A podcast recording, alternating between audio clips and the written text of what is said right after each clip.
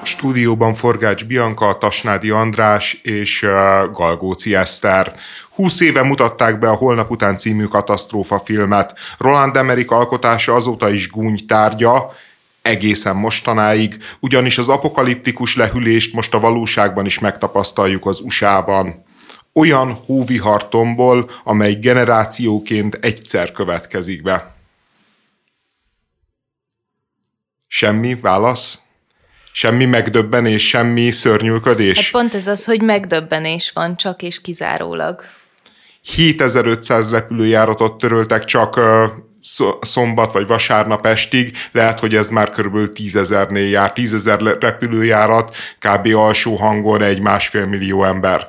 Engem egyébként nem is a, a járatok törlése lepett meg már, mint hogy az egész egyszerűen elképesztő, és nem is tudok belegondolni abba, hogy hány embernek a karácsonyát tette tönkre, de inkább az a tény, hogy fél órán belül 6 fokról mínusz 16-ra hűlt le a hőmérséklet, tehát hogy ez egész egyszerűen elképzelhetetlen, és én pont azon gondolkoztam, hogy nekem már ilyen öt fok különbségek is olyan fejfájást tudnak okozni, hogy az valami hihetetlen, pedig még fiatal vagyok. Igen, Wyomingban történt ez az eset, tehát nem az egész USA-ban, de uh, a lényeg az, hogy azért is hoztam ezt a Holnap után című filmet, hogy megtörtént az, ami a filmben. Ott van egy olyan jelenet, amikor jön a jégkorszak, és a főszereplő így fut a jégkorszak elől, és így előtte még nincs a jégkorszak, mögötte már nagyon jön a jégkorszak, és próbálja lehagyni, természetesen azért a jégkorszak utoléri. Hát amikor 30 perc alatt 20 fokot esik a hőmérséklet, akkor azért valami nagyon-nagyon hasonlót lát az ember a lelki szemei előtt. Nyilván nem ez történt, de,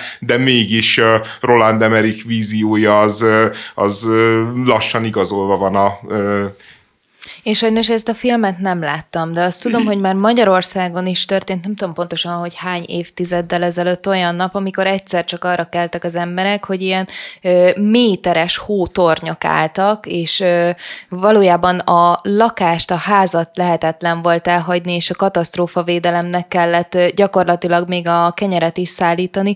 Ö, valami ilyesmit tudok most elképzelni, hogy ö, a, az USA-ban is éppen ez történik. Én megéltem egyébként hasonlót, még a 90-es évek elején volt ilyen nagyon-nagyon durva havazás Budapesten, és emlékszem, hogy gyalog mentünk iskolába, nem járt a 8-as busz, mert túlságosan meredek volt ilyen hegyi kaptatóra, de hát azért az egy méteres hó, mert New Yorkban egy méter hó esett egyetlen nap alatt, tehát hogy azért ez szerintem nem történt meg akkor sem. Tehát egy méter hó, egy, hát egy gyereknél magasabb hó esett egyetlen este. Az egy félelmetes szám, félelmetes lehet megélni, meg igazából tényleg az a kérdés ilyenkor, hogy a civilizáció mennyire képes felvenni ezzel a harcot, meg a ritmust, mert, mert nem erre vagyunk felkészülve. Az, hogy 50 ember körülbelül eddig a halálos áldozatoknak a száma, az szerintem nem is ö, ö, olyan értelemben meglepő, hogy milyen sok, hanem ahhoz képest, hogy ilyen brutális ö, ö, időjárás van az 50 ember, az, ö, az ö, jó, most lehet-e ilyet mondani, nyilván nem különösebben civilizált, de az 50 ember az, az kevés, mert azt gondolnánk, hogy, hogy ennél sokkal több áldozata lesz egy ilyen helyzetnek. A, vannak városok, ahol nem járnak a mentők, nem járnak a tűzoltók, tehát hogy, hogy olyan mértékben blokkolta a forgalmat, meg a közlekedést az időjárás, hogy persze ilyen típusú tapasztalataink nekünk is vannak, hiszen volt nem is olyan régen, amikor Magyarországon esett Március 15-én. Igen, március 15-én, és akkor ugyanez a bénultság, amiről most Amerikában beszélnek, na az De megtörtént picit, nálunk picit is. más volt, és már akkor is át kellett ülni a szomszéd autóba. Én azt gondolom, hogy itt feltetted azt a kérdést, hogy fel tudunk erre készülni, fel kell készülnünk erre, hogy, hogy ilyen helyzetek is adódnak, és amennyiben számítunk rá, én azt gondolom, hogy akkor a, civilizáció az meg tudja oldani, és valójában az emberi összefogás azon túl egyébként, hogy tényleg olyan eszközökkel, olyan hókotrókkal és olyan autókkal esetleg lehet segíteni a helyzeten. Nyilvánvalóan ilyenkor mindenkinek bele kell adni a saját részét, és akkor talán ö, túlélhető. Igen, de ezek a 30-40 fokos mínuszok, tehát hogy, hogy a Kinek van kedve kimenni, persze. De, de, nem, de nem egyáltalán, tehát hogy ilyen tényleg ilyen praktikusan, hogy, hogy az anyag az nem fárad el, a vízvezetékek nem fáradnak el, tehát hogy, hogy, hogy ennek így az, azt képzelném, hogy ilyen katasztrofális következményei lehetnek, vagy lesznek. Például az utak bírják ezt, a beton bírja, vagy a beton az bármit elbír? Hát bármit nem, de ez például igen. 30-40 fok az hát. belefér. Mert, mert én a kocsinknak a fagyállója az valami olyasmi volt, hogy mínusz 20 fokra van tervezve, egy rá volt írva, és az volt szerintem az ellenállóbb. Tehát Amerikában lehetséges, hogy mindenki ilyen mínusz 50 fokig alkalmas fagyállót használ? Hát Mert nem... máskülönben akkor a kocsik is mennének tönkre tömegével. Ezt nem tudom, hogy milyen fagyálót használnak Amerikában. Lényeg az, hogy nincsen klímaváltozás, tehát ezt szerintem ki, Egyértelmű. kijelenthetjük. Amit mondtál azzal kapcsolatban, Eszter, hogy, hogy hány embernek ment tönkre a karácsonya, pont azon, hát mosolyogtam, vagy hát szomorkodtam, hogy eddig ugye a Covid miatt nem lehetett normálisan karácsonyozni, most meg Észak-Amerikában az időjárás miatt nem tudnak, de valószínűleg nem ez a legnagyobb probléma szerintem, hogy tönkretette az embereknek a karácsonyát. Ez egy plusz negatív dolog, hogy ez pont karácsonykor történt, de összességében igen, azért ezek a nagyon szélsőséges időjárások, ezek hát talán egyre gyakoribbak, és ugye sajnos Észak-Amerika, jó, baromi nagy földrészről beszélünk, de elég gyakran sújtottak ugye hurikánnal, ilyen szélsőséges időjárással, úgyhogy, úgyhogy van, van baj. De nem lehet, hogy csak arról van szó, hogy egész egyszerűen a média minden katasztrófa helyzetben ott van, mindig nagyon átélhető fényképeket, nagyon átélhető beszámolókat csinál, tudósításokat, és ennek következtében folyamatosan az az embernek az élménye, hogy, hogy valami katasztrófa van minden nap, minden nap, minden nap egy-egy újabb katasztrófát látunk, hogyha bekapcsoljuk a televíziót, és emiatt van ilyen világvége hangulatunk. Tehát lehetséges, hogy ez mondjuk 20-30 vagy 50 vagy 500 évvel ezelőtt is ugyanúgy lett volna a bolygónak egy-egy olyan pontja, ahol valamilyen katasztrofális időjárási jelenség van, csak éppen akkor nem volt ott a tudósító, meg nem ott volt ott a szatellit, ami ezt szétdobja az egész földkerekségben. Ebben sok igazság van, amit mondtál, hogy régen is voltak ilyen szélsőséges esetek, csak kevéssé tudtunk róla. Viszont azt talán, azt belátható, hogy ezek a szélsőséges esetek egyre gyakrabban történnek meg most gondolhatunk akár egy ilyen hatalmas csapadékra, ami nagyon rövid idő alatt nagyon sok csapadék esik le. Ezek is természetes dolgok, csak nem tudom, száz évente egyszer a sok csatornarendszer úgy van úgy van Kalibrálva. méretezve, hogy száz évenként egyszer elöntheti a, a víz, és akkor kijön a csatornából. Na most ez megtörténik, nem tudom. Ha tíz évenként történik meg, akkor az probléma és ezek a dolgok szerintem változnak, és ezek a szélsőségek, akár ez a hideg, amiről most beszélünk, és a hó, hónak a mennyisége, akár a csapadék, akár a hurikánok szerintem. Ne, én nekem van egy olyan érzésem, hogy ezek egyre gyakoribbak. Abban teljes mértékben igazad van, hogy a, a médiának a, a szerepe, ebben, ebben segít, hogy ezt érezzük, de szerintem ettől függetlenül nem, nem kellene bagatelizálni. Én, én egyébként abszolút hajlanék arra, hogy ez a média fénytörése. Mert azt gondolod, hogy ez nem történik meg, vagy nem, nem ennyire hogy... durván történik meg, mert hogy nagyon sokszor egyetértek veled ilyen szempontból, tehát hogy azt gondolom, hogy például amikor a bűncselekményeket mutatják be, akkor ugye eléd van rakva egy csomó bűncselekmény, nincsen eléd rakva az, hogy egyébként az élet normális mindemellett, és ezek a, a kiragadott dolgok egy ilyen ö, fals biztonságérzetvesztéshez vezetnek, mert azt gondolod, hogy mindig ilyen dolgok történnek. De azt hiszem, hogy ez egy ilyen olyan különleges helyzet, amiről a média bármikor beszámolt volna, és nyilvánvalóan lehetne ezt is úgy csinálni, hogy hát igen, izé, Amerikában ilyen ítéletidő van, de egyébként közben itt, meg itt, meg itt, meg itt, teljes mértékben rendes a, az időjárás, de szerintem ezeket ki kell emelni, és, és nem baj, hogy ezt így elénk rakják, és nem tehát, hogy ez nem is feltétlenül torzít.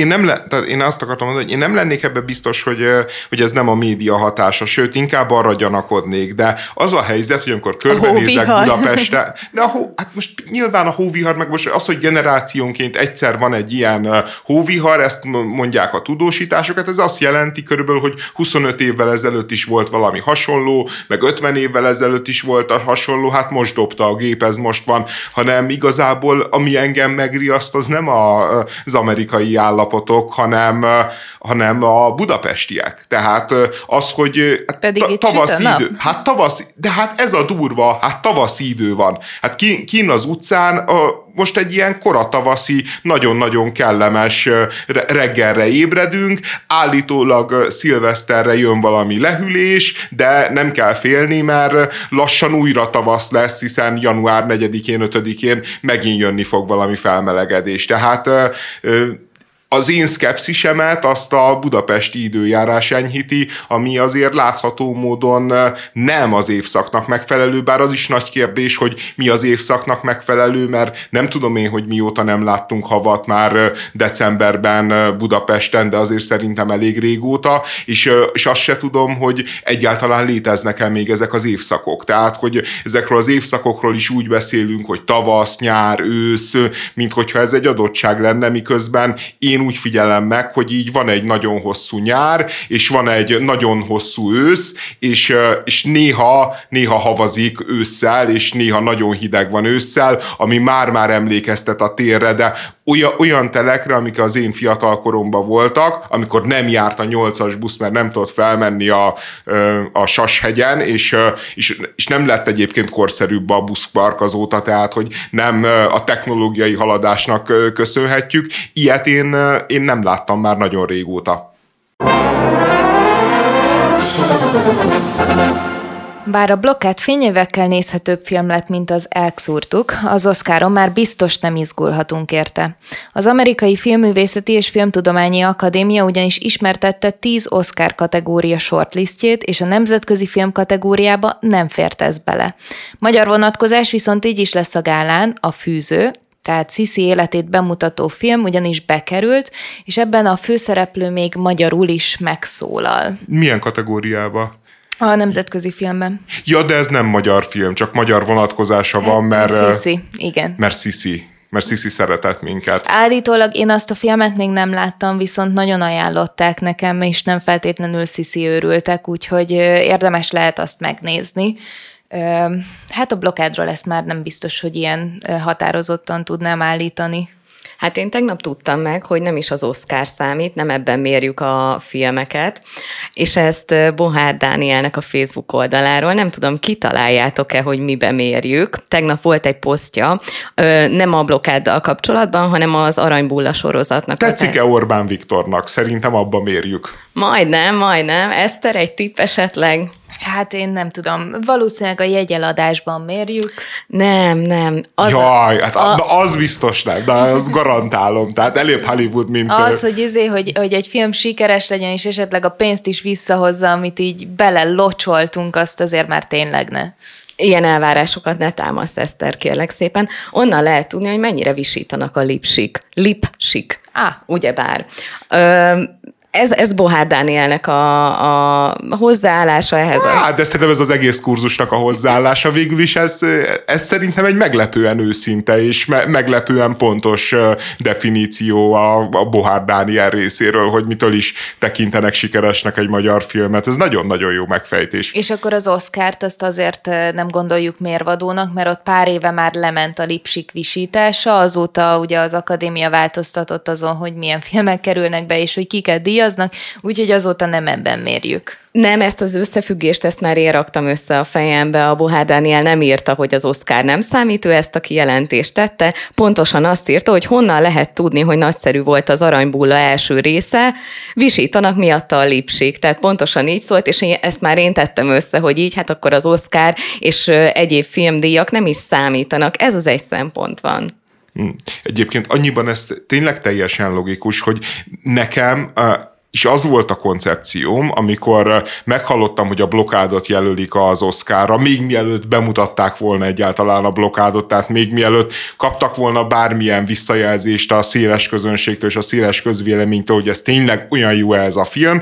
Én azt gondoltam, hogy ők azért jelölik, mert, mert akarnak egy ilyen áll, nagy áldozati pószt formálni maguknak ebből a filmből, hogy ők ezt jelölik, ez egy csodálatos filmalkotás, de Hollywood az, az nem kíváncsi erre, nem kíváncsi az igazságra, nem kíváncsi arra, hogy, hogy a konzervatív politikusokat hogyan nyírták ki Közép-Európába, stb., akik pedig hősök voltak, akik pedig szembeszálltak, mint tudom én, a Szovjetunióval, körülbelül mondjuk ennyi jöhet át szerintem egy amerikainak erről a filmről, és hogy erre majd építenek egy nagy kampányt, hogy na hát nem holokauszt film, nem valami érzelgős szerelmi dráma, na is akkor már is a Hollywood az eldobja, és, és én rémülten tapasztalom, egyébként, mert azt gondoltam, hogy ez a, a maga nemében ez egy jó koncepció, nyilvánvalóan fel tudják mutatni az áldozati poszt, jaj szegény Magyarország, a jaj szegény konzervatív alkotók, akiket nem becsülnek meg külföldön,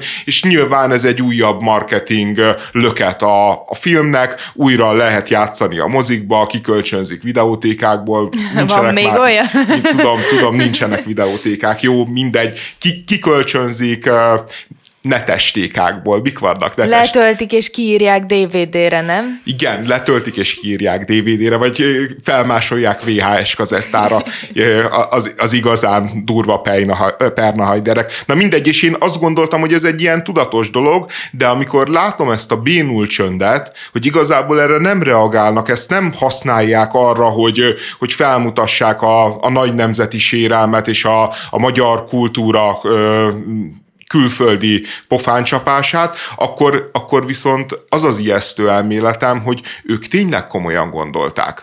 Ők tényleg komolyan gondolták, hogy ez a film, ez, ez az Oscaron esélyes lehet. Mert, mert hát, hogy most ebben az ukrán orosz háborúban azért ugye be lehet helyezni ezt a filmet, kiderülnek, hogy a, belőle, hogy az oroszok azok milyen agresszívek, milyen gonoszak, egy kicsi országnak mennyire kell küzdenie magáért, és, és ők úgy voltak vele, hogy ez a, ez a film ez működni fog külföldön.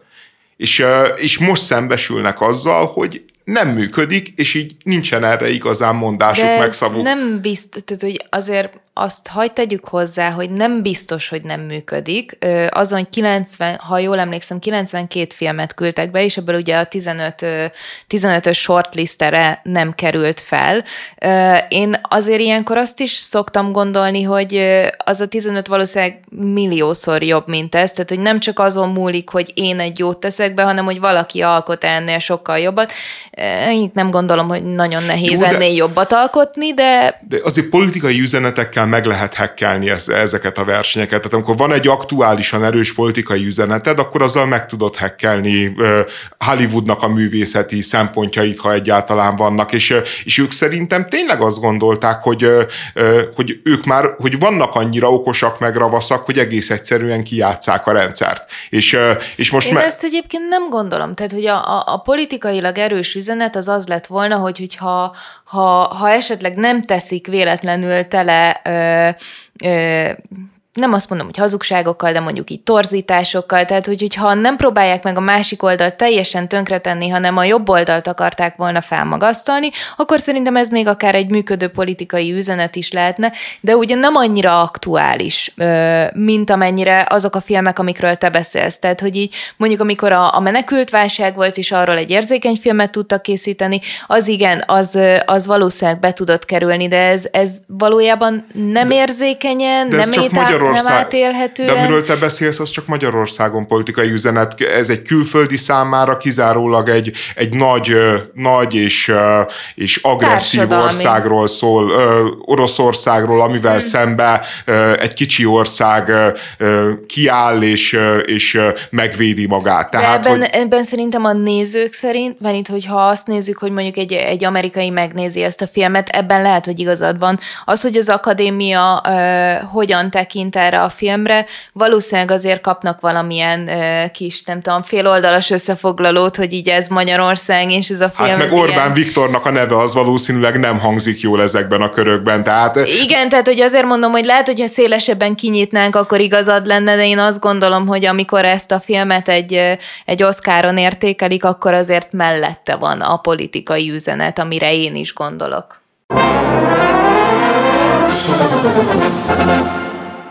TikTokon láttam, hogy az mintha egy trend lenne, hogy nőknek felteszik a kérdést, civileknek és celebeknek egyaránt, hogy ha választani kell, akkor kit választanának? Álmaik férfiát, aki viszont hűtlen, vagy inkább egy hűséges és átlagos kinézetű férfit, és folyamatosan egy az a visszatérő motivuma ezeknek a TikTok videóknak, hogy a, hogy a csajok pironkodva, de azt mondják, hogy hát ők bizony a hűtlen férfit választják, aki viszont nagyon-nagyon jól néz ki.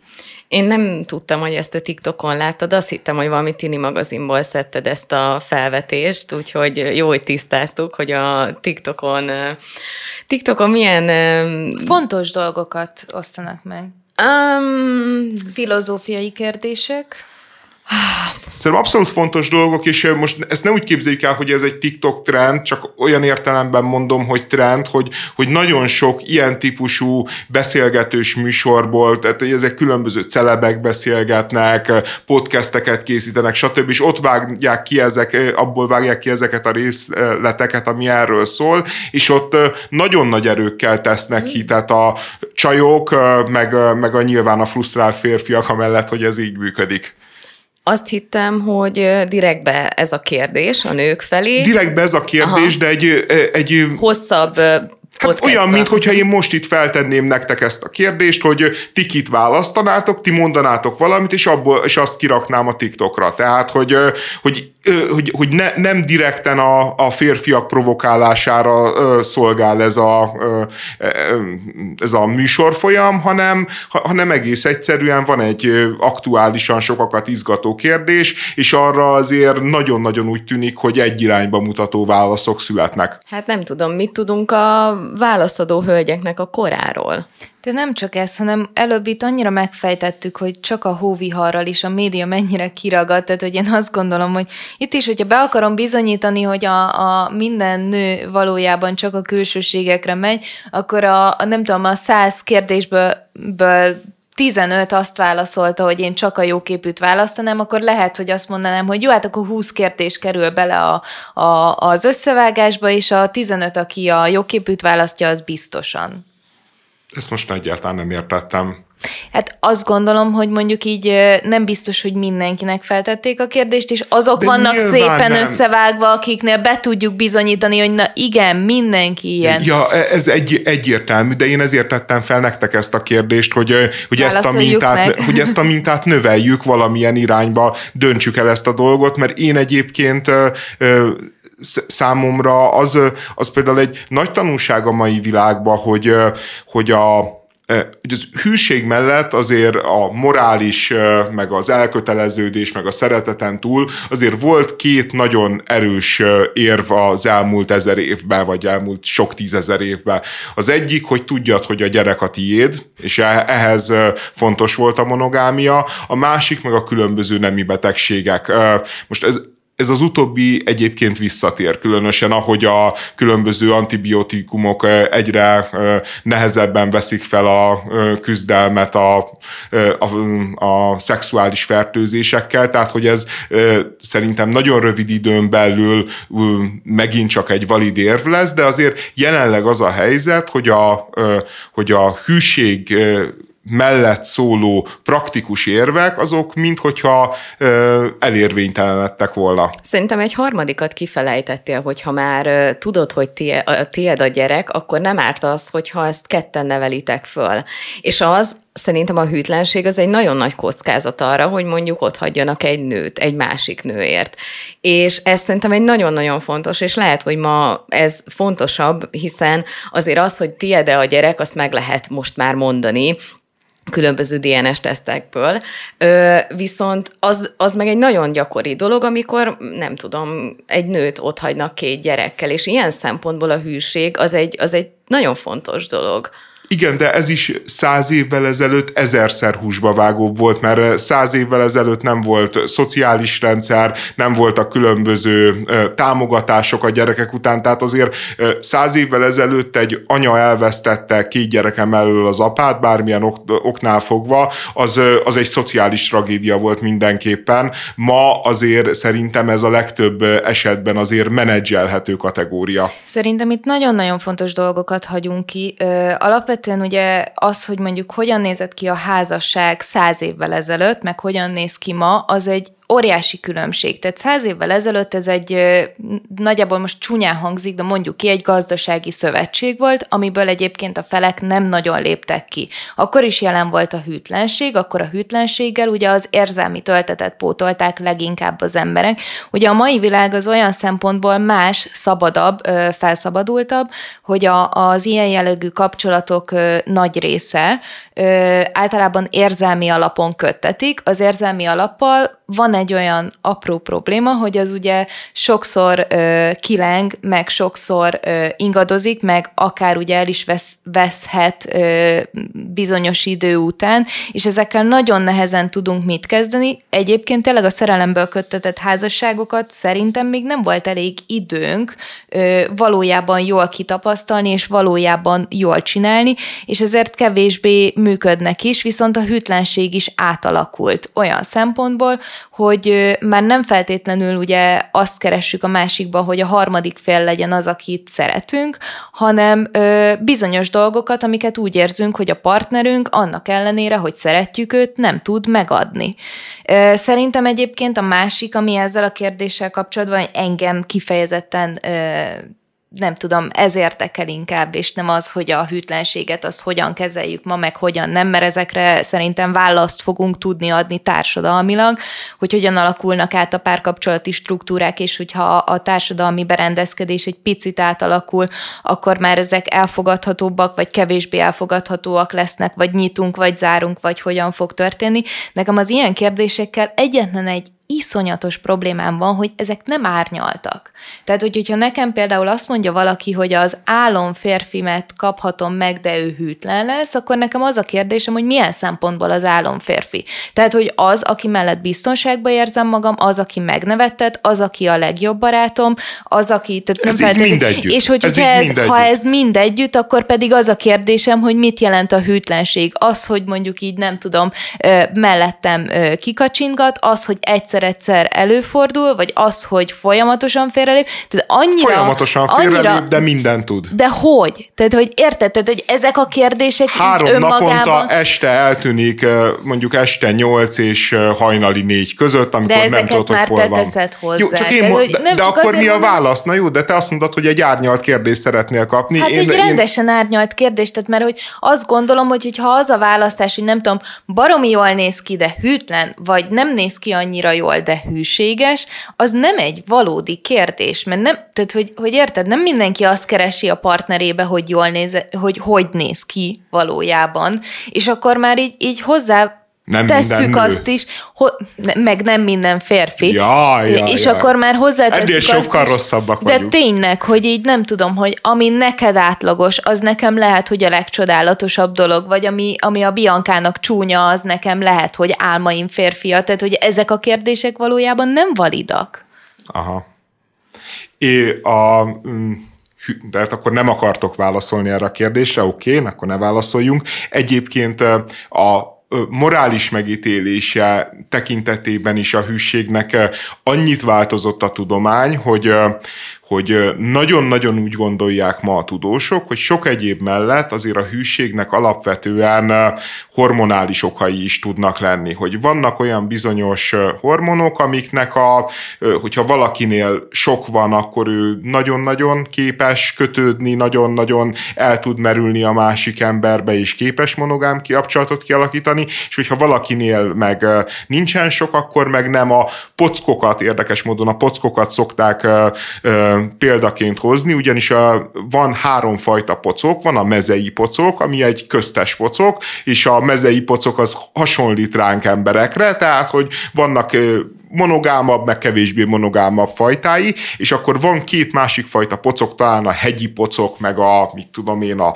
tavi pocok, és a hegyi pocokról azt kell tudni, hogy, hogy elképesztő libidója van, és össze-vissza futkározik a nőstények között, a másik, mondjuk a vízipocok, vagy a tavipocok, az viszont egy nagyon-nagyon hűséges ö, emlős, aki, aki egy életre választ társat, és csináltak olyan Egyébként lehet, hogy nagyon embertelen kísérleteket ezekkel a szerencsétlen állatokkal, hogy a, ennek a mezei pocoknak a különböző hormonjait így megbusztolták, egy ebbe és abba az irányba is, és kiderült, hogy ez a mezei pocok, amikor megváltozott a hormonszintje, akkor volt, hogy nagyon-nagyon monogámmá vált, és volt, hogy nagyon-nagyon uh, csapodárrá. Tehát uh, azt látjuk, hogy ez az egész egyébként lehet, hogy nem is egy morális dilemma, meg nem is az emberi minőségről szól, hanem, hanem egész egyszerűen a, a bennünk lévő kódok, a bennünk lévő kemikáliák azok, amik meghatározzák, hogy ilyenek vagy olyanok vagyunk. Kérdés, hogy ha ez így van-e, akkor mennyire lehet például bárkin is számon kérni a hűséget, meg bárkitől is megkövetelni akár a hűséget, hogyha ez, ez ilyen módon determinált. Hát, hogyha ez így van, akkor megvan a, a gyógyszer a hűtlenségre, be kell szedni azokat a hormonokat mindenkinek, és akkor mindenki boldog lesz.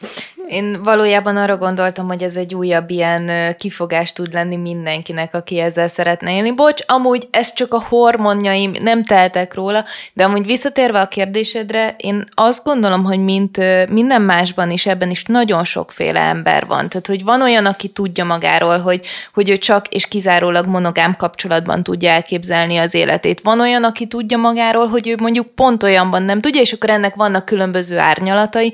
Én azt gondolom, hogy ebben is mint oly sok másban valójában egyetlen egy fontos tényező van, az, hogy ezeket tisztázzuk a partnerünkkel, hogy a legjobb nyilvánvalóan, vagy a kívánatos az, hogy két hasonló álláspontot képviselő ember kerüljön össze, mert abból nem lesz bántás, és onnantól kezdve gyakorlatilag szerintem nem kell a hormonokra hivatkozni, meg a, meg a nem tudom, a férfiak már csak ilyenek típusú mondatokat így hangoztatni, hanem egész egyszerűen csak be kell látni, hogy minden kapcsolat más és más, és mindenkinek mások az igényei. Szerintem igazad van, Eszter, csak a probléma az, hogy a legtöbb emberben nincsen ennyi tudatosság, hogy ő ezt definiálni tudja magának, hogy igen, én egy ilyen típusú ember vagyok, és erre vágyok. Ez szerintem nagyon nagy probléma de én nem is tudom, hogy a tudatosság nincsen meg, hanem inkább szerintem az önismeret nincsen meg, meg, meg, meg amit az Eszter mond, az, az tényleg a logikus megfejtés lenne, csak az a helyzet, hogy egyrészt nincsen meg az önismeretünk hozzá,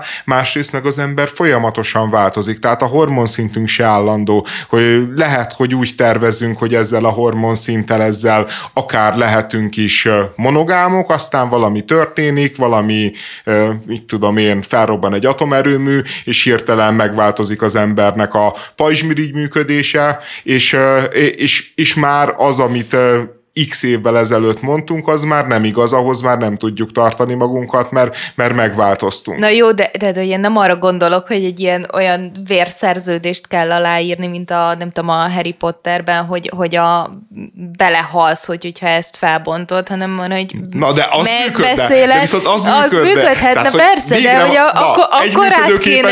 ötlet, ja, ja, ja. Akkor, akkor tényleg át kéne gondolni, hanem azt gondolom, hogy, tehát, hogy, hogy nyilván kívánatos, meg nyilván nem mindenki csinálja ezt. Én szerintem egyébként azoknak kellene a legjobban átgondolni, akik már valaha csapodárkodtak. Nem szeretném ezt pejoratív jelzővel illetni, mert nem biztos, hogy azt, tehát, hogy azok az emberek, akik már azt érezték egy kapcsolatban, hogy nekik valamiért ebből kiki kell kacsintgatni, hogyha ők átgondolják szerintem, hogy ez tényleg a személyiségüknek a része, vagy az a kapcsolat rettenetes volt, és azt nem lehetett máshogy elviselni, akkor már már előrébb vagyunk. És igen, tehát, hogy azt is gondolom, hogy, hogy, hogy nem tudom, a, a, ami, amire mindenki vágyik, hogy 20, 30, 40, 50 évig együtt, lehet, hogy a, a legelején így állok hozzá, és lehet, hogy a közepén máshogyan, és életem végén meg megint máshogyan, de hát a párkapcsolatok alapja szerintem a beszélgetés is pont ezért nem jó ez a kérdés, mert tehát, hogy így lehet, hogy állati jól néz ki, de egy pillanatig nem tudok vele ö, jó dolgokról beszélgetni, vagy de ezzel tudsz, de ezzel tudsz, akiről beszélünk, de vele azzal tud, tudsz. De, de az átlagossal is tudok, tehát érted? És az átlagossal is tudsz, igen, igen. Értem. Tehát a, a különbség a kettő között két nagyon jó ajánlat, de az egyik figura átlagos, de viszont kicsit a humora is átlagos, kicsit a beszélgetések is átlagosak, de... tehát hogy, hogy a, a csapodár az mindenben egy kicsit kiemelkedő, és nagyon jól de néz ugye ki. azért, azért rossz ez a kérdés, mert tehát, hogy így jó, dupla, te dupla csövű, dupla csövű a kérdés, mert hogyha azt akarjuk mérni, hogy nekem a hűség fontos-e vagy nem, akkor arra lehet válaszolni. Hogyha azt akarjuk mérni, hogy nekem a, a kinézet a fontos, vagy nem, akkor arra lehet válaszolni. Tehát ezt egyénileg lehetne föltenni a, a kérdéseket, hogy, hogyha például rólam tudod, hogy nekem az a fontos, hogy valakivel nagyon jót beszélgessek, akkor mondd azt, hogy egy hűséges ember, akivel, vagy egy hűtlen ember, akivel viszont éjszakákon át tudsz beszélgetni, vagy egy, vagy egy nem hűséges, akivel, vagy egy ö, hűséges, akivel ez meg nincs meg, és akkor már is tudok válaszolni erre a És kérdésre. mi a válasz? Ö, inkább beszélgetni szeretnék. Aha, nem számít annyit a hűség. Nagyon jó. Akkor a TikTok trend az nem torzít, az jól mutatja. De hogy nem torzít? Korábban már beszéltünk Harry Herceg és Meghan Netflix sorozatáról. Talán szóba került Jeremy Clarkson cikkje is, amelyben Meghan gyalázta, megosztotta az álomképét arról, hogy az utcán mesztelenül vonuló hercegnőt a tömegszarral dobálja, illetve azt is leírta, hogy zsigeri alapon gyűlöli az amerikai ex-színésznőt. A szerkesztőség közleményben bocsánatot kért a cikknek a megjelenítéséért. Hát ez nem volt egy ízléses cikk, azt uh, jegyezzük meg. Uh, és én, én valójában amúgy pont azon gondolkoztam, amikor beszéltünk a, a dokumentumfilmről is, hogy nem ismerjük ezeket az embereket valójában. Tehát teljes mértékben elképzelhető az is, hogy ők szerepet játszanak és színjátékot csinálnak, meg az is, hogy egyébként ők tényleg ilyen jó emberek együtt, és én azt éreztem ezzel a, a cikkel kapcsolatban is, hogy nem értem ezt az elemi gyűlöletet, ami a, a, a Megan felé megy, mert, mert tehát, hogy, hogy én nem tudom, hogy hogy lehet valakit utálni a médián keresztül, aki egyébként, hogy azért ilyen életre szóló, meg emberiség ellenes tetteket nem követett el, tehát hogy olyat, amivel külső szem pontból meg tudjuk ténylegesen ítélni. Hogyan tudunk ilyen érzelmeket hozzátársítani? Szerintem elképzelhető, hogy ha valaki nagyon hű a monarchiához, és nagyon szereti az angol királyi családot, akkor el tudom azt képzelni, hogy a megönnek a viselkedése, hozzáállása, ő arról úgy gondolkozik, hogy az nagyon destruktív. És ebben valószínűleg igaza is van, hogyha neki ez a, ez a hozzáállása. Nekem a problémám nem az, hogy hogy Jeremy Clarksonnak problémája van meg önnel, vagy nincsen. Nekem ezt szerintem el lehet mondani, hogy ő azt gondolja, hogy nem helyes, stb. stb. akár ezt megfogalmazhatja. Nem azt mondom, hogy akár, hogy szerintem így nem kéne, ahogy ő ezt tette, mert ez a fajta hogy mondjam, gyalázkodás, hogy ő azt kívánja neki, hogy, hogy ő tényleg szinte az emberi mi voltába alázzák meg, hogy ő erről fantáziál, ez szerintem nagyon súlyos. Tehát szerintem simán elmondhatná, hogy neki problémája van a megönnel, elmondhatja, hogy mi az, de ez, ez szerintem nem, nem elég, ez, talán semmi nem elég arra, hogy mondjuk ilyet, ilyet írja egy másik emberről. A Jeremy Clarksonnak a publicisztikája, tehát ott kezdem, hogy én, én megértem az ő indulatát veled szembe, Eszter. Tehát, Velem? igen, igen én, én azt látom, hogy ez a Megan, ez egy tipik, tipikusan egy ilyen szerencsevadász, az arhetipusa ennek a goldiggerségnek, méghozzá annak a fajta goldiggerségnek, ami ki nem pusztán meg akarja ütni a főnyereményt, hanem és a nagy pénzt, meg a könnyű életet, hanem, hanem ő kulturális trendeket akar diktálni egy ezer éves, vagy mit tudom én, ezer majdnem ezer éves monarchiának. És ez, és ez nyilvánvalóan felháborítja azokat az embereket, hogy a Bianca mondta, akik kötődnek ehhez az intézményhez, kötődnek ehhez az országhoz, hát konkrétan nem is az országnak az állampolgára, és ebbe a dokumentumfilmbe is elmondta a Harry Herceg, meg a Meghan is, hát hogy ők, ők meg akarták reformálni a királyi családnak az intézményét, bevezetni a 21. századba, hogy hogyan néz ki a királykodás, és, és ez az arrogancia, ez önmagába szerintem vérlázító, különösen úgy, hogy, hogy levadászod ennek a királyi családnak az egyik láthatóan hát egy ilyen elég gyenge jellemű, elég, elég befolyásolható, elég furi és, és mindenképpen ilyen creepy tagját, mint ez a herceg fiú, aki, aki hát ugye, ugye neki voltak azért botrányai, például ez a herceg fiú, aki most a, a félig afri, afroamerikai származású feleségével a 21. századba akarja vezetni a monarchiát, az még, mit tudom én, 10 évvel ezelőtt Rommel Afrika korszának az egyenruhájába pózolt egy farsangibálon, ami nyilván egy farsangibálon sok minden belefér, csak az ellenséges hadsereg egyenruhájába a királyi családnak a a ö, hercege, úgy, hogy egyébként ennek a királyi családnak nem ez volt az első botránya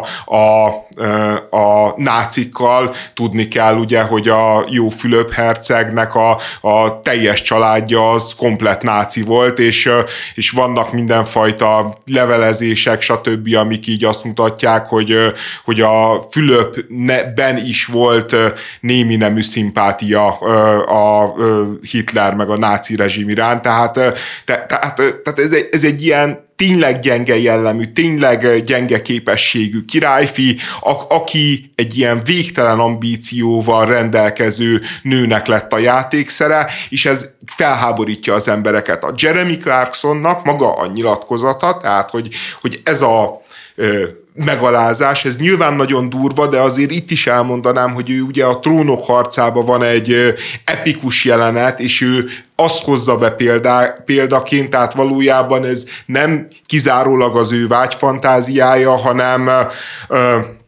hanem egy irodalmi utalás, de ez nem feltétlenül menti egyébként Sőt, a dolgot. szerintem ezzel csak ront a helyzeten, hiszen azt láttuk, tehát azt mindenki látta, és ugye amikor megtörtént ez a jelenet, az nem egy olyan szereplővel történt meg, akivel túlzottan szimpatizálni lehetett, viszont szerintem az egy megrázó jelenet volt, tehát, ne, tehát pont azt akarta szerintem az a jelenet átadni, hogy ezt még az ellenségednek sem kívánott feltétlenül, és idáig jutottunk, hogy Jeremy Clarkson ő kívánja az ellenségének. Én egyébként azon gondolkoztam, tehát, hogy így a, az utolsó nagy reformer Meghan és Harry előtt ugye Károly volt maga, aki most éppen a, a trónra lépett, tehát hogy nem ők az egyetlenek, akik valamit máshogy szeretnének csinálni, mint ahogyan eddig a monarchia működött, és nem is biztos, hogy probléma az, hogy változtatni szeretnének, de hozzáteszem, hogy én még mindig azon vagyok egy kicsit felháborodva, hogy te pont ugyanannyira tudod megítélni annak a valóságtartalmát, hogy a, a Megan egy goldiger, mint, mint én, mert nem ismerjük, mert nem vagyunk ott, mert nem tudjuk. Össze tudunk rakni darabkákat, amiket a média adott át nekünk, amit valakinek a tükrén keresztül, vagy a, a prizmáin keresztül bizonyos dolgokat olvastunk, hallottunk, láttunk. Nyilvánvalóan mindannyiunkban van egy alapvető hozzáállás különböző különböző emberekkel szemben, vagy különböző cselekedetekkel szemben, amiken keresztül már mi magunk is megszűrtük azokat az információkat, amiket megszűrtek nekünk, és én tényleg azt nem értem, hogy hogyan lehet egy olyan embert, aki, akiről nem tudjuk az igazságot ennyire mélyen gyűlölni és elítélni nyilván van ebbe igazság, Eszter, és én most nem is mondom, hogy én ezt tudom cáfolni, mert nem tudom, csak hát az a helyzet, hogy ha az ember a kétségeiből nem tud rádió műsort csinálni, tehát abból nem tud rádió műsort csinálni, hogy hát nem tudjuk, hát nem tudjuk, Putyin pszichopata, hát nem tudjuk, hát mi történik a fronton, nem tudjuk, mert hát lehet, hogy hamisítanak, lehet, hogy, tehát hogy én, én azt gondolom, hogy, hogy néha az embernek tudnia kell választani, és ezek általában olyan helyzetek, ahol be, bele kell valamelyik narratívába az embernek helyezkednie, mert, mert másképp, másképp ne, nem, nem tud semmi érvényes gondolatot kipréselni magából arról, hogy mi történik. Én, én nekem egyébként mondom, hogy én nem akarom a Jeremy Clarkson különösebben védeni meg ezt a publicisztikát, mert ez tényleg nagyon durva kijelentés, de azért azt el szeretném mondani, hogy addig ez tök rendben van, amíg a Jeremy Clarkson lánya elmondja, hogy neki ez nagyon nem tetszik, és, és ő elhatárolódik az apjától. Az is rendben van, hogy 20 ezer ember feljelenti a Jeremy Clarkson-t, mert nagy a felháborodás, oké, okay, 20 ezer ember azt mondja, hogy, hogy feljelentem. Az már szerintem nincsen rendben, amikor, amikor azt mondja a szán, hogy ilyet ő többet nem akar látni a saját oldalain, mert ezen az alapon szerintem mondjuk Swiftnek a híres beszéde az íréhínségről szintén nem kerülhetne be a szánnak a címlapjára, mert az is nagyon-nagyon durva volt.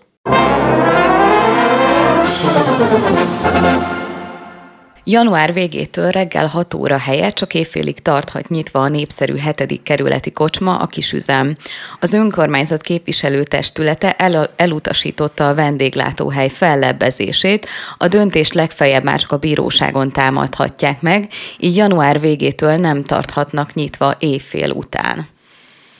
Ugye most elkezdődött ez a hetedik kerületben, hogyha jól tudom, nemrég szavaztak arról, hogy ez a kiterjesztődjön, ez az éjféli zárás minden egyes ilyen vendéglátó egységre, amit végül egyébként nem szavaztak meg. Én most így azt látom, hogy vannak bizonyos helyek, amiket így talán így, így kiemelnek ebből a, a közegből, és azt mondják, hogy na igen, itt van probléma, és akkor ezeket viszont konkrétan büntetjük. Hát mondjuk ki, hogy gyakorlatilag egy hadjárat folyik itt a kis üzem ellen. Valamikor még a nyáron volt hír szintén, hogy hogy ugye, ami, ami nagyon gyakran előfordul a hetedik kerületbe, és lehet ez problémás, hogy emberek a, a nem tudom, a korsós őrükkel kimennek a hely elé dohányozni, és ha jól tudom, a kis üzemre kifejezetten rá voltak száva ilyen szempontból, hogy, hogy oda mentek rendszeresen ellenőrizni, és folyamatosan büntették a helyet, míg ezt más helyeknél nem lehetett tapasztalni. Igen, és most elvileg ugye az történik, hogy, hogy teljesen pofára megy a, a, a az engedély vagy nem engedély kérdése, tehát a kisüzem nem kapott engedélyt, mert ö, ö, ott erős lakossági önszerveződés volt valószínűleg, sokan tiltakoztak, vagy egész egyszerűen csak jelképessé vált a kisüzemnek a működése,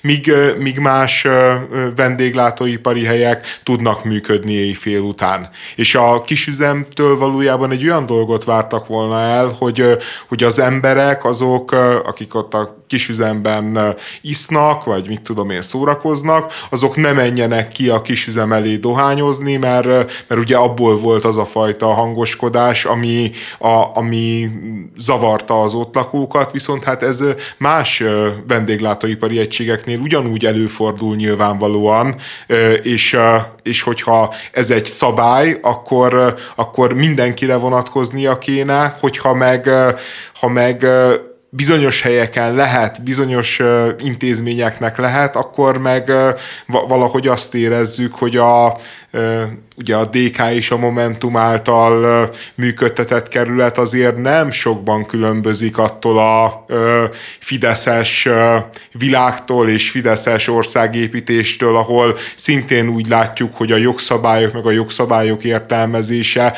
azért tud pofára menni, és, és tud, tudnak lenni nagyon kedves vállalkozások a, a kedves vezetőnek, és tudnak lenni nagyon-nagyon nem kedves vállalkozások a kedves vezetőnek. Nekem az volt a ö, vicc, vicces, vagy, vagy a tragikomikus ebben a történetben, hogy ő szinte egy-két nap különbséggel ö, jelentették be azt, hogy a ö, kisüzem az éjfél után többet nem tarthat nyitva, tehát hogy ott hiába ö, ruházott be bármennyit a vállalkozó, hiába tett meg azért mindent egyébként, hogy, hogy ő a jogszabályok szerint tudjon működni mi, a, amikor a, a kormányzat bejelenti egyik napról a másikra, talán pont december 24-én hozta ki a közlöny, hogy, hogy a gyógyszercégek azok hirtelen kapnak az egész évre visszamenőleg egy sok tíz milliárd forintos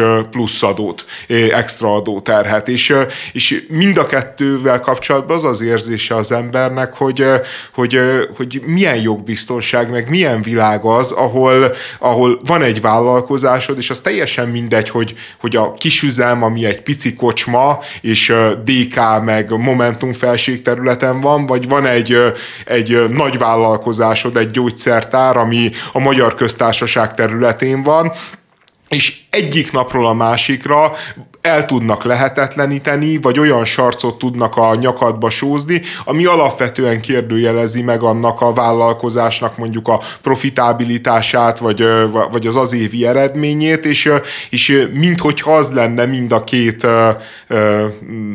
hatalmom részéről az üzenet, hogy hát jobb, hogyha átmész valami olyan országba, mit tudom én, Szlovákiába, Lengyelországba, Ausztriába, ahol azért az állam nem így viselkedik a, a vállalkozóival, nem így viselkedik azokkal, akik fizetik az adót, hanem, hanem bizonyos jogállami minimumokat tiszteletben tart. Például azt, hogy egyik napról a másikra nem változtatja meg a te jogi helyzetedet, a te jogi működésedet, nem lehet lehetetleníti el a, a, a vállalkozásodat, és, és, és látható módon tényleg nincsen különbség.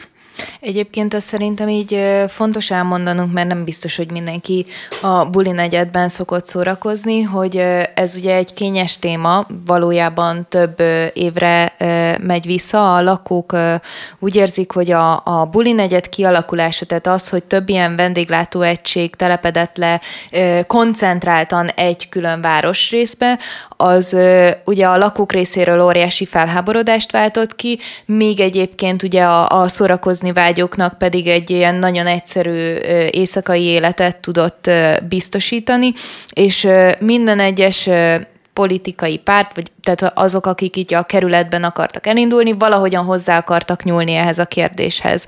Amikor ezt a, ez az önkormányzat kezdte meg a működését, akkor egy ilyen ö, finoman, ám bár nagyon érezhető módon nyúlt hozzá a történethez, ö, ö, kezdve onnan, hogy ö, meghatározták, hogy azt hiszem este tíz után, de ez nem biztos lehet, hogy éjfél, nem vihetett ki az alkoholt az utcára, ö, hogy hogyha a hely kiszolgál, és te kiviszed azt a, a saját poharában, akkor a helyet büntetik meg.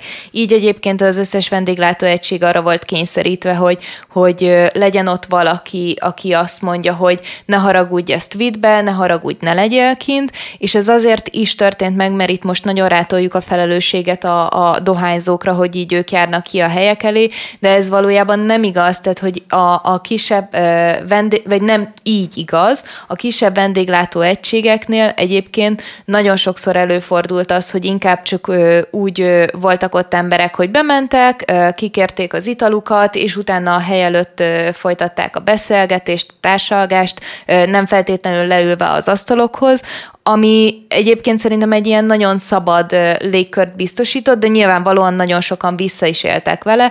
A kerület a lakók szempontjából, vagy a kerület rész a lakók szempontjából viszonylag élhetetlenné vált. Nyilvánvalóan elképesztő szeméthalmok és és ö, ö, nem tudom, levert visszapillantó tükrök, tehát hogy ilyen meg nyilvánvalóan zajszennyezés és hangoskodás ö, ö, övezte ezt az egészet, Jó, és nem tud, és nem, tehát hogy az a probléma ezzel, hogy nem lehet olyan megoldást nyújtani a problémára, ami mindenkinek jó, vagy legalábbis egyébként ugye ezek a, ezek a megoldások, ilyen félmegoldások, ezek egyébként úgy alakultak ki, hogy bizonyos helyek együttműködtek az önkormányzattal, és azt mondták, hogy jó, akkor szabályozzuk a, a, a, azt, hogy milyen hangos lehet a zene, hogy hogyan lehet ezt megoldani, hogy mennyire szálljunk be a takarításba, mennyire legyen ez, mennyire legyen az, és egy kicsit az az érzése az embernek, hogy itt, itt az történt, hogy az elején így egy picit megpiszkáltuk ezt a történetet, aztán jött a Covid, akkor nem kellett vele foglalkozni,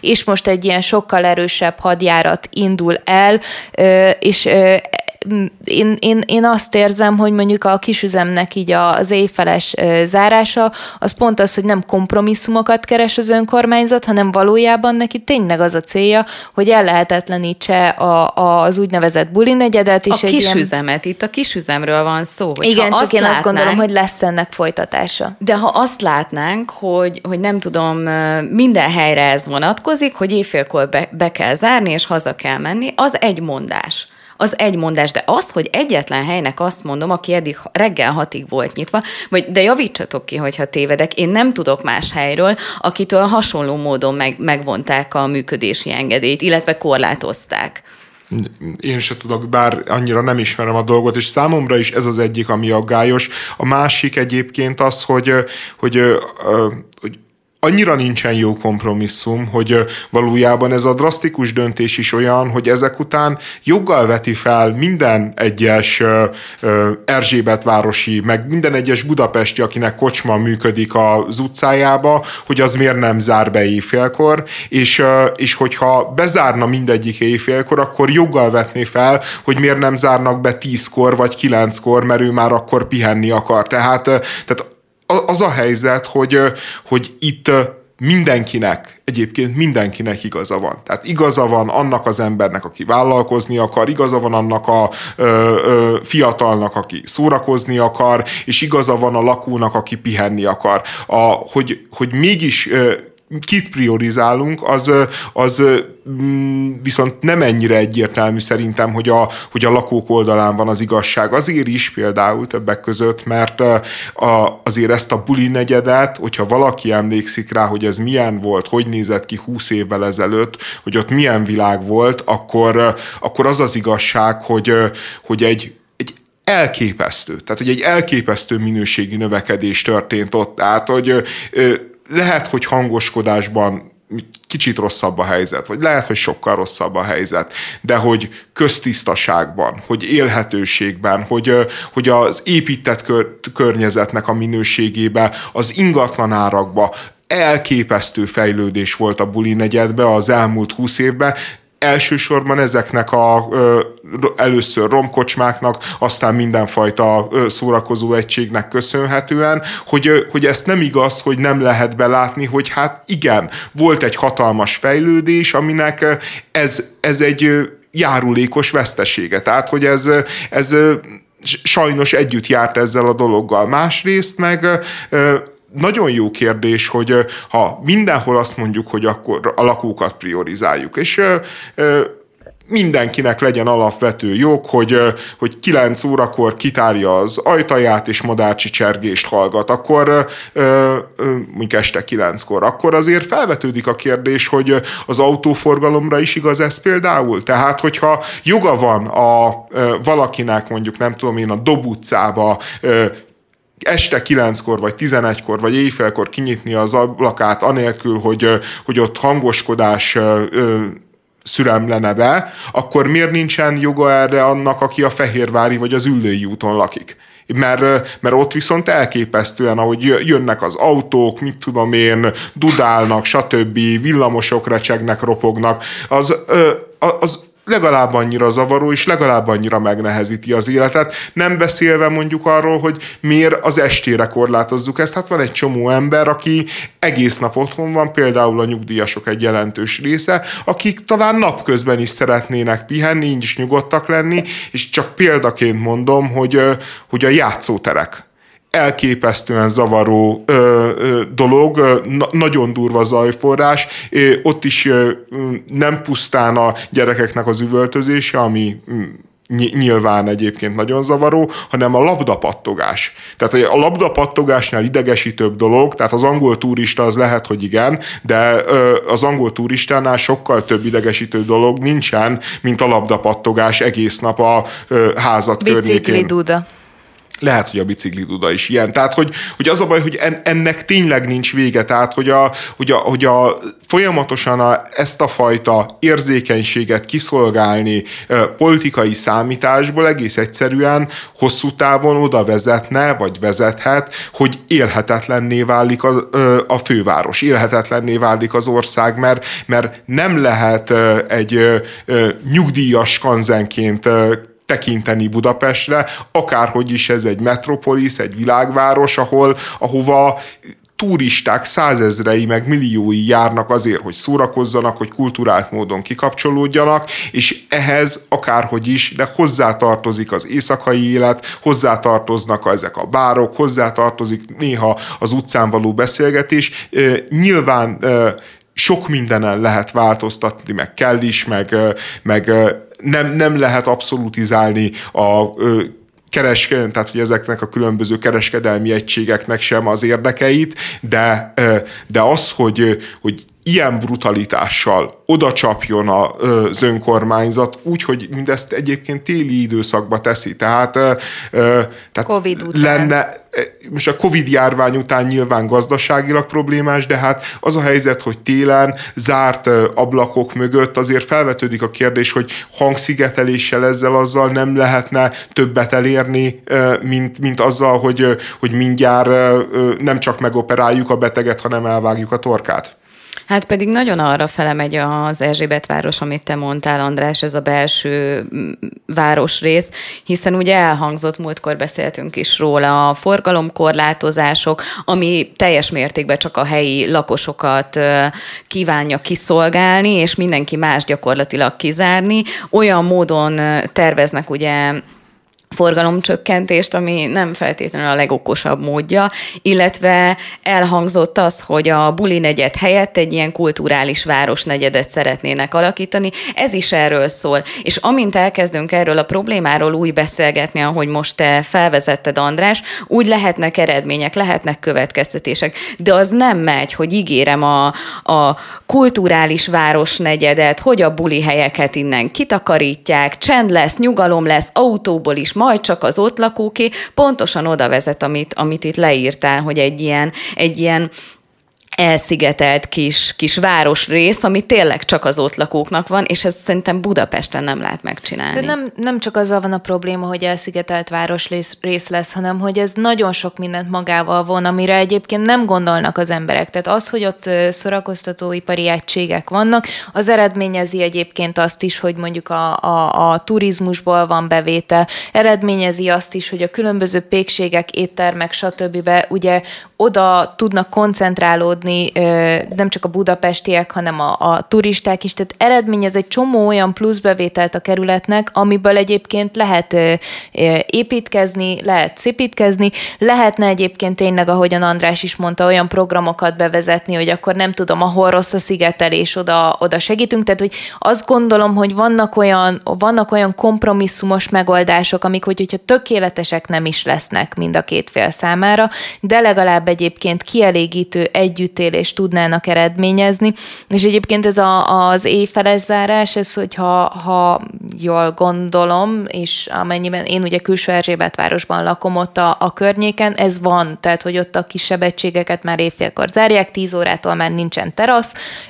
tehát hogy ez, ez ugye egy ilyen külön engedélyen működtek itt a helyek, és most ezt a külön engedélyt jel tudnak valójában játszani, hogy akkor most ezt így vagy megadom neked, vagy nem adom meg neked, és én ettől tartok, hogy a, a kisüzem az ennek így az első ilyen hírmondója, hogy aztán mi fog történni a kerületben, azt nem tudom.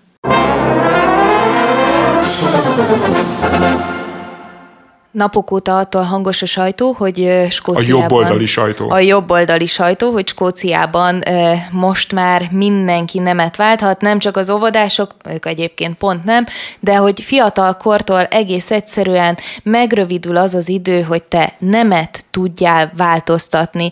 Utána néztem, ez egyébként egy ilyen erős csúsztatás, ugyanis a jogi lehetőségét adják meg annak, hogy én azt mondhassam, hogy a papírjaimban innentől kezdve ne nőként, vagy ne férfiként tudjak szerepelni, és egyáltalán nem arról van szó, hogy én ma besétálok egy bizonyos helyre, és anélkül, hogy engem pszichológus látott volna, azt tudom mondani, hogy én holnaptól más nemi szervekkel szeretnék felkelni. Na de azért egészen pontosan, hogy annyiban radikális ez a javaslat, hogy egyrésztről leviszi a korhatárt, ahonnét ez a, a nem váltást engedélyezik 16 éves korra, tehát nem kell többé nagykorúnak lenni. Másrésztről az eddig kötelező két éves várakozási időszakot letolja fél évre, tehát hogy egy viszonylag gyorsan meg lehet tenni, és harmadrésztről, ami szerintem egyébként a legaggályosabb dolog, dolog, hogy eddig azért egy pszichológus szakvéleménye szükséges volt a nemi diszfória megállapításához, és azt mondja, hogy többi ez nem kell, tehát azt mondja, hogy, hogy pszichológus szakvéleménye nélkül ezt nyugodtan meg lehet tenni, csak emlékeztetek arra, hogy amikor Németországban szintén ott na- nagyon jelentősen megkönnyítette a törvényhozása a nem váltásnak a műtéti uh, szabályait, akkor a Vai Blanka uh, nevű magyar transzaktivista, aki egy transzlány, és egyébként Németországban élő, ő nagyon hosszú cikkben támadta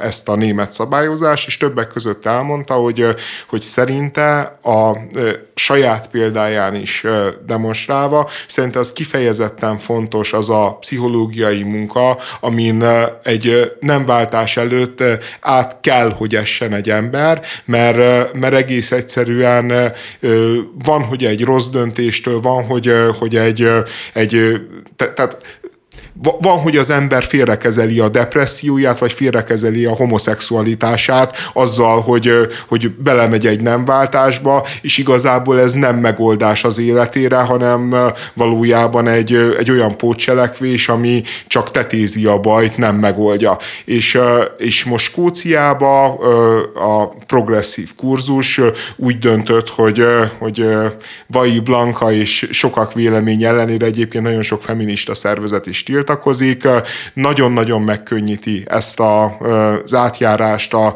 két nem között, ami számtalan problémával és, és erkölcsi dilemmával fog járni, de szerintem a legfontosabb, és a, mert, mert mindig nyilván Nyilván az embert kell nézni, meg azokat, akik sérülhetnek, hogy, hogy, hogy az egy hihetetlenül nagy probléma, hogy a pszichológus szakmát kizárják ebből a folyamatból. Világos, hogy a módosításnak az volt a célja, hogy megkönnyítse ezt a nem változtatást, és értem, hogy lecsökkentették a korhatárt, a várakozási időt is csökkentették, és ezt értem, hogy ez könnyít, de az, hogy a pszichológus szakmát kizárták ebből, az, az miben segít? Tehát ezt egy picit nehéz értelmeznem, hogy, hogy ez a fajta, nem tudom, ne terápiának nevezzük, nem tudom pontosan mi történik egy ilyen, ilyen pszichológiai ülés. Ez egy vizsgálat, vizsgálat. Megnézik, hogy tényleg ez a baja. Tehát, hogy megnézik, hogy tényleg az a problémája, hogy neki nemi diszfóriája van, tehát, hogy ő idegenül érzi magát a saját testében, vagy, vagy valami más van, valami súlyos depresszió, ne adj Isten meleg, és, és ő ezzel nem tud szembesülni, hanem azt gondolja, hogy, hogy ő rossz testbe született. Tehát sok dolog lehet.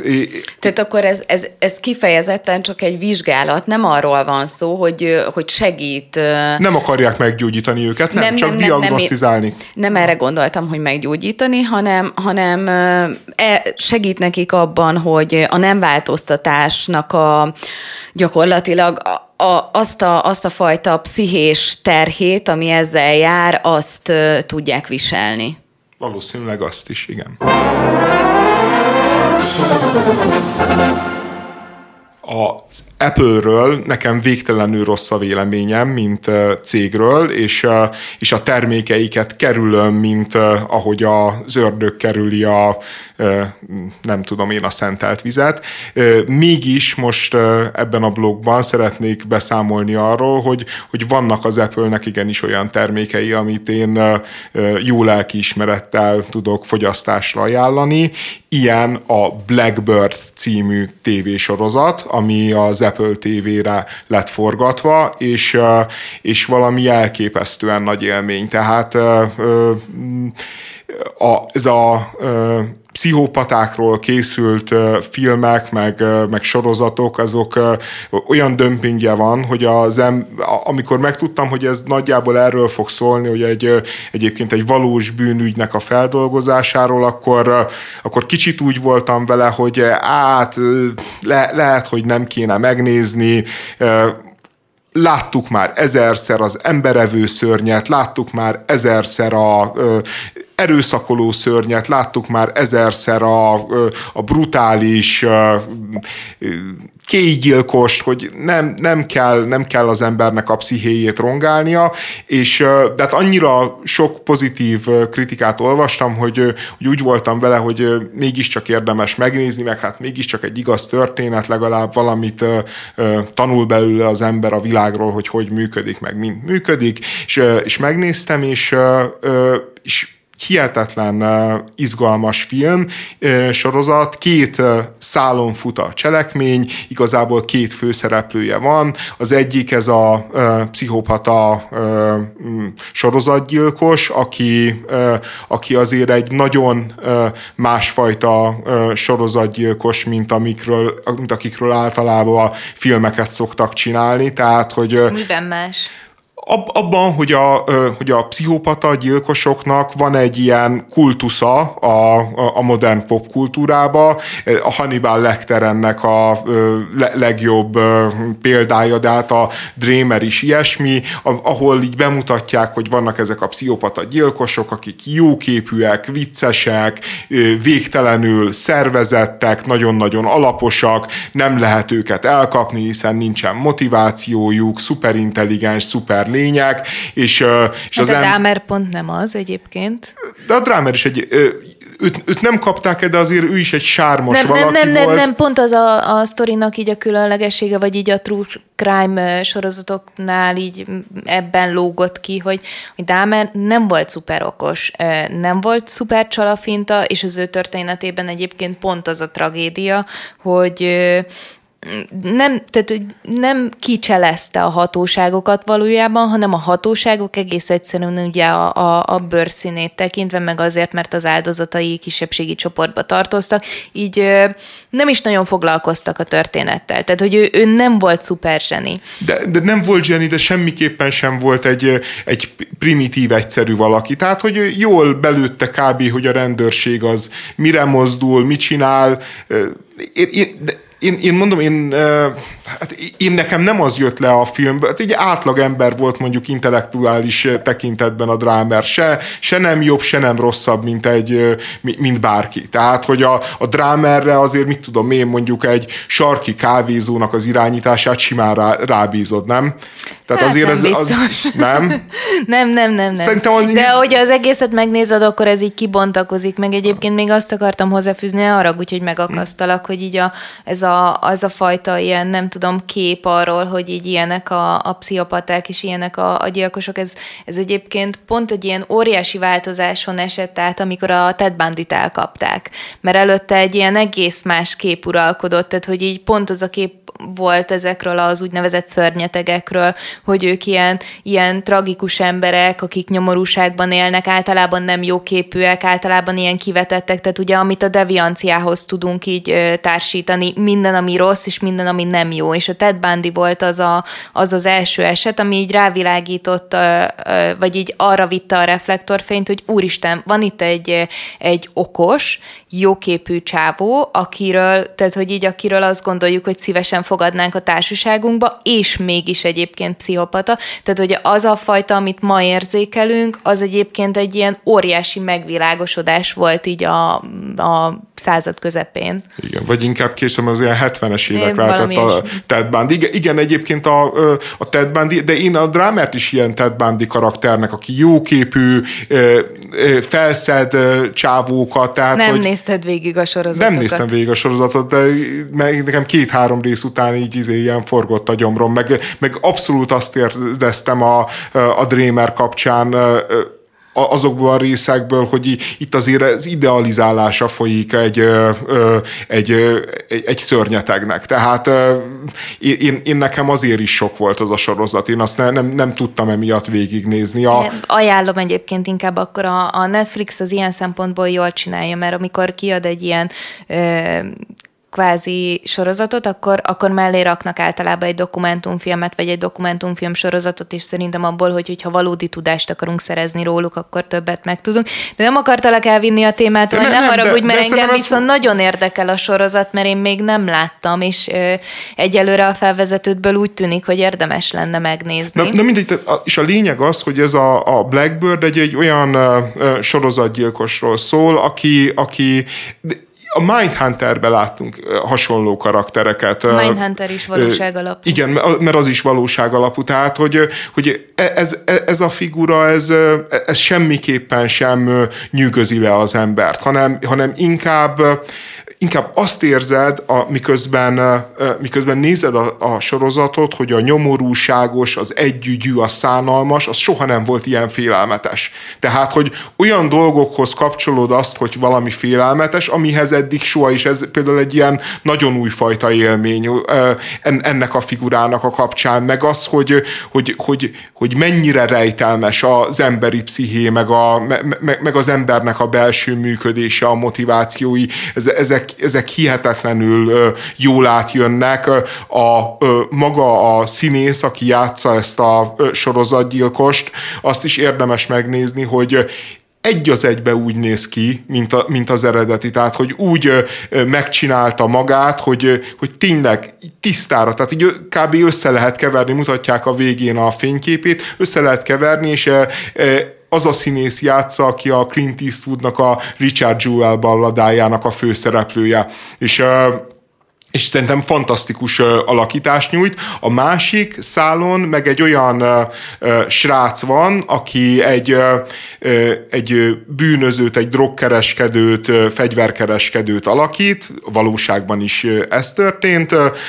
Egyébként őt meg a Kingsmanből a töki ha megvan a szereplő Kingsman töki, meg. Na mindegy, tehát ő, a, az a színész játsza ki a Kingsmanbe a tökit, és, és ő, ő meg az ő figurája, karaktere az ugye arról szól, hogy hosszú időre börtönbe kerül, és, és az a nagy esélye, ez egy nagyon-nagyon sármos, nagyon jóképű, tehát hogy a, pont az ellentét ennek a sorozatgyilkosnak egy nagyon közvetlen ember, akinek nagyon jó kommunikációs képességei vannak, és azt az ajánlatot kapja az FBI-tól, hogy barátkozzon össze ezzel a sorozatgyilkossal, mert hogyha megtud bizonyos információkat, akkor, akkor börtönben tudják tartani, ellenkező esetben meg szabadulni fog, mert mindenfajta perújra felvétel, meg ilyesmi van, és és hát az, az, az is egy ilyen hihetetlen jó kettősség a,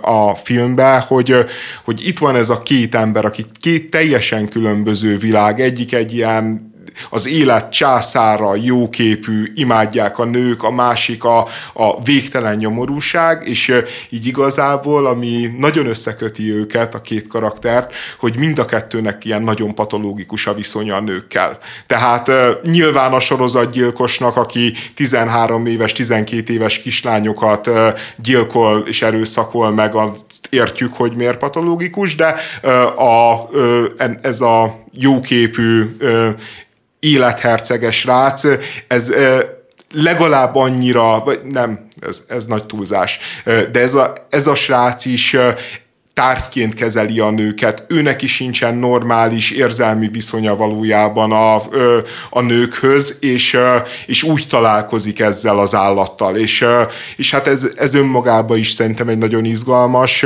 képlet. Másrészt meg hát az is jó, hogy miközben ott lóg folyamatosan a börtönterrornak az élménye és ígérete, a különböző börtönfilmes klisék, hogy most ki fogja kit megkéselni, meg ilyesmi, igazából valójában azért ez egy dráma marad, és, és az ilyen extra börtönzsáneres szörnyűségektől megkímélt bennünket a valóság is, és ennek nyomán a sorozat is.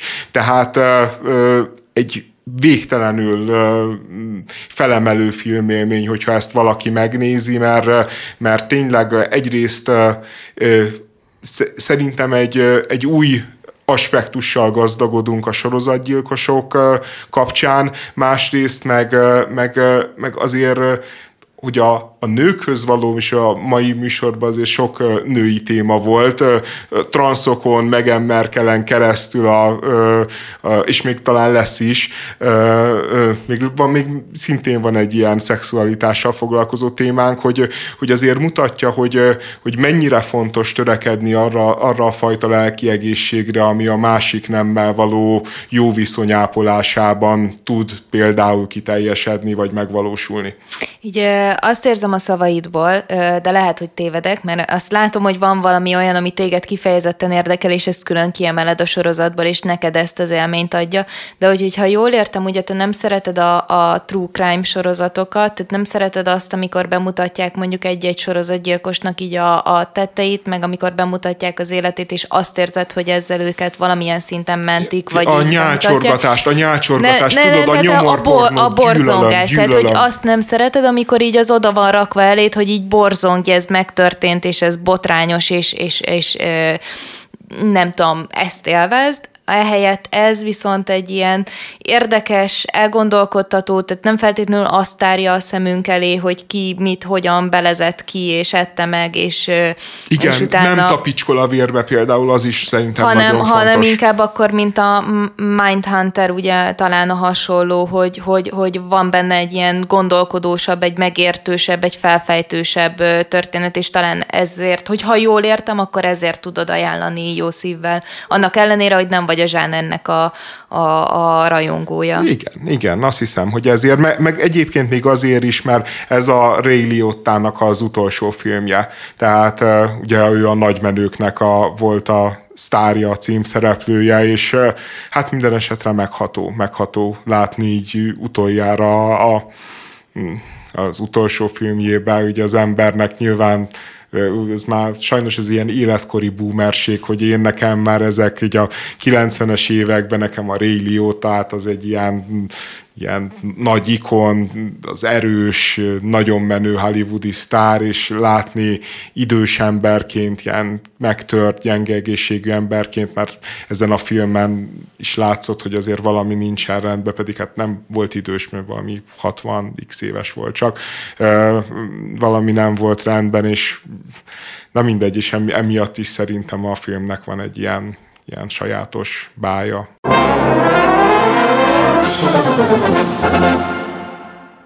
Édes hármas a Szent Háromság jegyében. A clickbait felütés egy tragikus történetet takar. Egy volt apáca vádolt meg egy 68 éves jezsuita papot azzal, hogy hatalmával és az áldozatai hitével visszajelve vett rá 30 évvel ezelőtt apácákat szexuális fantáziáinak megvalósítására.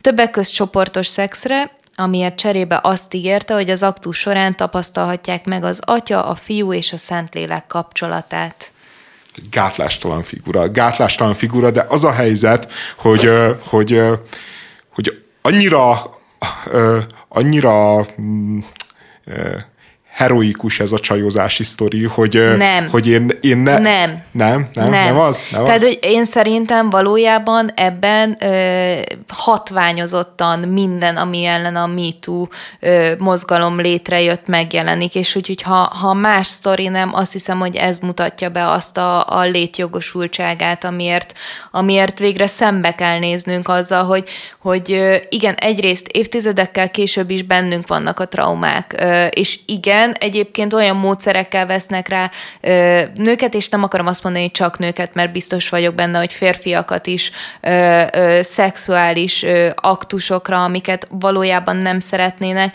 amikre, amikre a hétköznapi életben gyakran csak legyintünk, mert megkapta a film szerepet, mert végül, végeredményben is befutott, és karrierje lett, tehát hogy így úgy érezzük, hogy valamit visszakaptak azok az emberek, és ezért a, az ő MeToo sztoriaik nem validak. Na ebben szerintem pontosan minden benne van azzal kapcsolatban, hogy valaki felette áll valakiknek, és még egyébként ki is használja azt, amiben hisznek, és kívülről azt érezzük, hogy de hát hogy lehet ezt elhinni, de hát ez egy biztos egy hülyeség, tehát nem gondolhatja egyetlen egy apáca se, hogy így lehet a, a Szent Háromsághoz kapcsolódni, de, de, hogy, de hogy ezek megtörténnek. Jó, most én, én úgy vagyok vele, hogy, hogy hogy ez a figura, ugye tudjuk, hogy nagyon sok nőt zaklatott, és különböző módszerekkel folyamatosan terrorizálta őket, és, és annak a végkifejlet ennek a folyamatos terrornak volt az, hogy ő végül is többek között egy ilyen hármas szexbe vitte bele a két apácát, már hogyha az apácanőnek, a, vagy az ex-apácanőnek az állításai hitelesek, amit azért alátámaszt az, hogy, hogy a Vatikánban nagy, nagy erőkkel tussolták el a különböző feljelentéseket, amik ezzel ellen a jezsuita pap ellen mentek.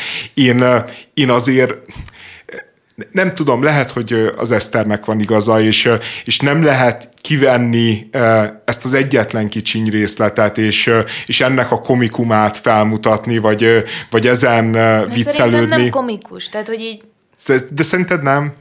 Nem, valójában az a baj, hogy azért nem tartom komikusnak, mert most akkor itt lehetne felhozni azt, hogy mert az egyház az ennyire hipokrata, és ennyire képmutató, és, és nem tudom, a, a cölibátus nem működik, egy csomó problémát felvet egyébként, amiről de, de, érdemes beszélni. De nem, de azért, de azért hogy... komikus, mert, mert, mert hogyha, tudod, szerintem az van, hogy ha tudjuk azt a kontextust, hogy itt van egy folyamatos lelki bántalmazás, van egy folyamatos manipuláció, van egy folyamatos visszaélés azzal, hogy ő egy lelki vezető, és a gondjaira bízott apácákat kvázi, de nem kvázi, kihasználja, akkor, akkor nyilván nem komikus, de hogyha csak egy az egyetlen gondolatot nézzük, hogy ő azt mondja, hogy a két apácának, hogy megtapasztalják a Szent Háromságot, ezért fontos az összeolvadás egy hármas egységben szexuálisan, ebben én, én jó, le, le, lehet, hogy gonoszság vagy érzéketlenség a részemről, én nem tudom, de én, én mégiscsak látok benne valami olyan, olyan nagy stílű ö, ö, hazudozást, ami, amit, ami előtt így megemelem akárhogy is a kalapomat, és ne, ne, ne, nem tudom, lehet, hogy rossz ember vagyok ezért, de én, én, én például az, azzal se értettem egyet, amikor a ugyanezen cikk kapcsán a, a talán a tehetsz, nem tehetsz a tehetsz ellene oldal elmondta, hogy édes hármasnak nevezni mindazt, ami itt történt, az, az valójában ugyanúgy arculcsapása az áldozatoknak és relativizálása egy bűncselekménynek, mert nem édes hármas történt itt, hanem, hanem erőszak. És és én értem ezt a logikát, és az az igazság, hogy... Hogy, hogy van igazság benne, nem igen, is kevés. Igen, és én is elfogadom, csak biztos, hogy nem lehet ak- akkor is néha így kikacsintani, akár csak egy clickbait címereig, egy kicsit így, így rá, rámutatni, hogy, hogy, hogy az egésznek lehet, hogy nem lehet igaz. Jó, ne, lehet, lehet, hogy visszavonom az egész álláspontomat, igen. Nem, valójában szerintem, tehát, hogy a clickbait az, erre próbáltam én is utalni, tehát, hogy ez mindig ilyet fog tenni termelni. Nem vagyok benne biztos, tehát hogy én, én talán, hogyha a mentséget fel tudom hozni, hogy legalább így emberek szembesülnek a történettel, tehát hogy legalább elolvassák, és talán elgondolkoznak azon, hogy ez mennyire helytelen.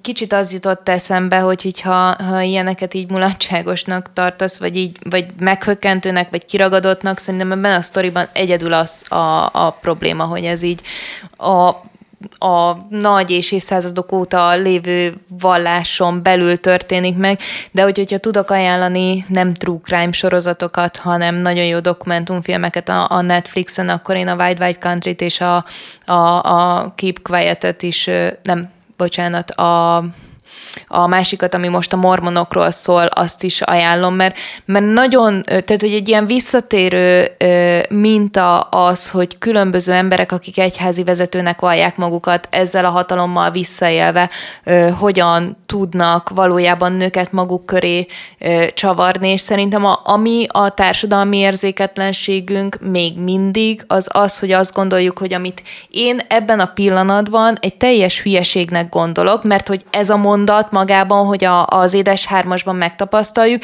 ez így elsőre azt mondjuk, hogy dehogy is, hát ez egy hülyeség, ezt nyilván elutasítanám. De hogy az, hogy, hogy nem, nem tudunk... Biztos. Nem, de, de én például... de, de nem, de nem, én de pont, hogy nem én tudunk pont azért tartom, látni. De én pont azért tartom egyébként egy jó dumának, mert, mert szerintem, hogyha így rá akarsz venni hármasozásra valakit, akkor valamilyen dumával kell jönni. Szerintem, ami ilyen vicces, ami nem, de miért? nem, nem. nem.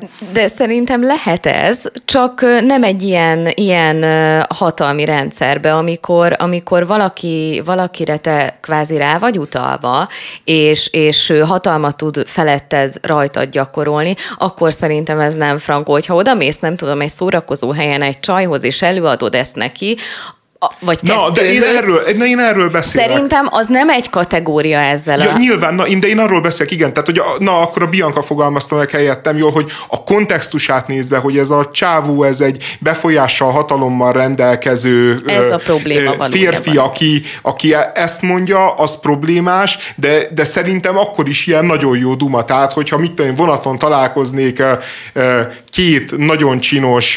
Ezt ne csináld szerintem.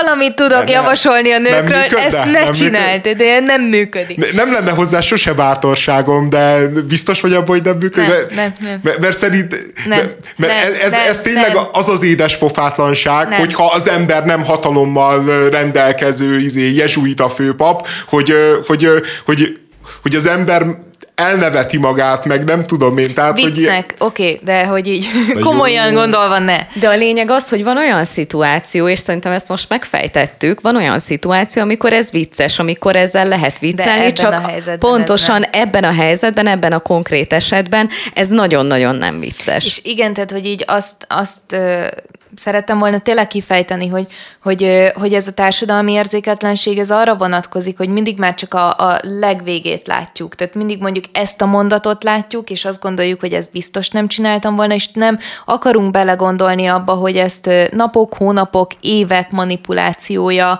ö, ö, előzi meg, hogy hogyan lehet valakit egy picit magadhoz édesgetni, és utána egyre többet és többet adni, és utána rávenni embereket olyanokra, amiket nem szeretnének, és szerintem egyébként a MeToo is sokszor itt bicsaklik ki. Most eltekintve azoktól a, a, a sztoriktól, amik már tényleg nem tartoztak volna oda, itt bicsaklik ki, hogy ezeket nem akarjuk megérteni. Nem akarjuk megérteni az oda vezető utat, mindig csak azt látjuk, hogy ő, őt valaki nem is kihasznált, mert valójában kapott érte cserébe valamit. Mm. Le, lehet. Én uh, um én még oda térnék vissza, amit mondtál, hogy, hogy itt ebbe az a számodra megrázó, hogy, hogy egyház, meg... Nem, az, tehát hogy az, hogy ez egy egyetemes egyház, tehát hogy azért mondom, hogy szerintem az utóbbi években nagyon sok de, olyan de ez sztorit, miért? De ez mert miért? nagyon mert... sok olyan sztorit göngyölítettek fel, ahol mondjuk így vallási vezetőnek mondta valaki magát, és akkor csinált magának konkrétan egy ilyen egyházat, ami tényleg valóban arra épült fel, hogy az ő, ő ilyen különböző fantáziáit elégítsék ki, és nyilván egyébként pontosan tudjuk, hogy a katolikus egyházzal is vannak belső problémák, csak nem, súlyos, szok, nem, súlyos nem szoktak problémák. kiszivárogni ilyen szinten. Inkább azt mondom, hogy nem szoktak így szivárogni. Hát mindent kifele. megtesznek, hogy ne szivárogjon, de ettől függetlenül egyébként én, én, én olyan értelemben ezen nem tudok meglepődni, hogy egyházi szervezet, mert azt gondolom, hogy ahol hatalom van, ott visszaélés is van. Tehát, hogy hogy és egyébként ezért fontos a transzparencia, ezért fontos az, hogy, hogy lássuk, hogy hogyan működnek a különböző intézmények, hogy, hogy a, hogyan működnek a hatalmasok, mert, mert, mert az, hogyha nincsen kontroll, viszont van iszonyatos erő, az, az nagyon-nagyon-nagyon sok esetben vezet visszaéléshez egész egyszerűen, mert, mert hát ez Ádámnak az almája, ami, ami, ami nagyon-nagyon-nagyon csábító.